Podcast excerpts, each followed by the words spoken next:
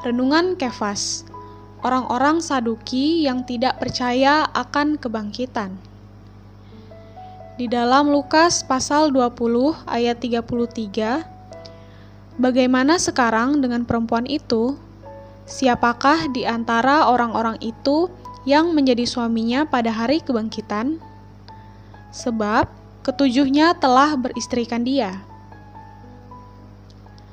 Dalam Lukas pasal 20 ayat 27 sampai 38, Tuhan Yesus diuji oleh orang-orang Saduki. Mereka menyajikan sebuah kasus tentang tujuh laki-laki saudara sekandung yang mati meninggalkan seorang istri dengan tidak meninggalkan anak. Dalam kebangkitan, siapa yang akan menjadi suami dari istri itu?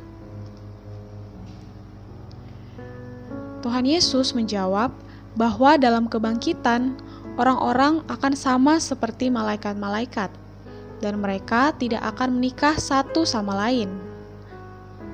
Orang-orang Saduki tidak percaya adanya kebangkitan.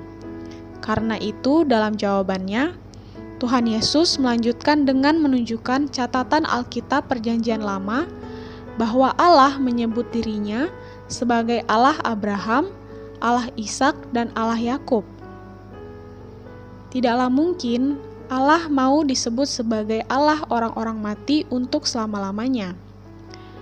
Sebutan itu pasti menyiratkan bahwa suatu hari Abraham, Ishak, dan Yakub akan dibangkitkan. Jawaban Tuhan ini menunjukkan ayat tentang adanya kebangkitan. Dalam catatan Injil yang lain, Tuhan Yesus diuji sampai Dia disalibkan.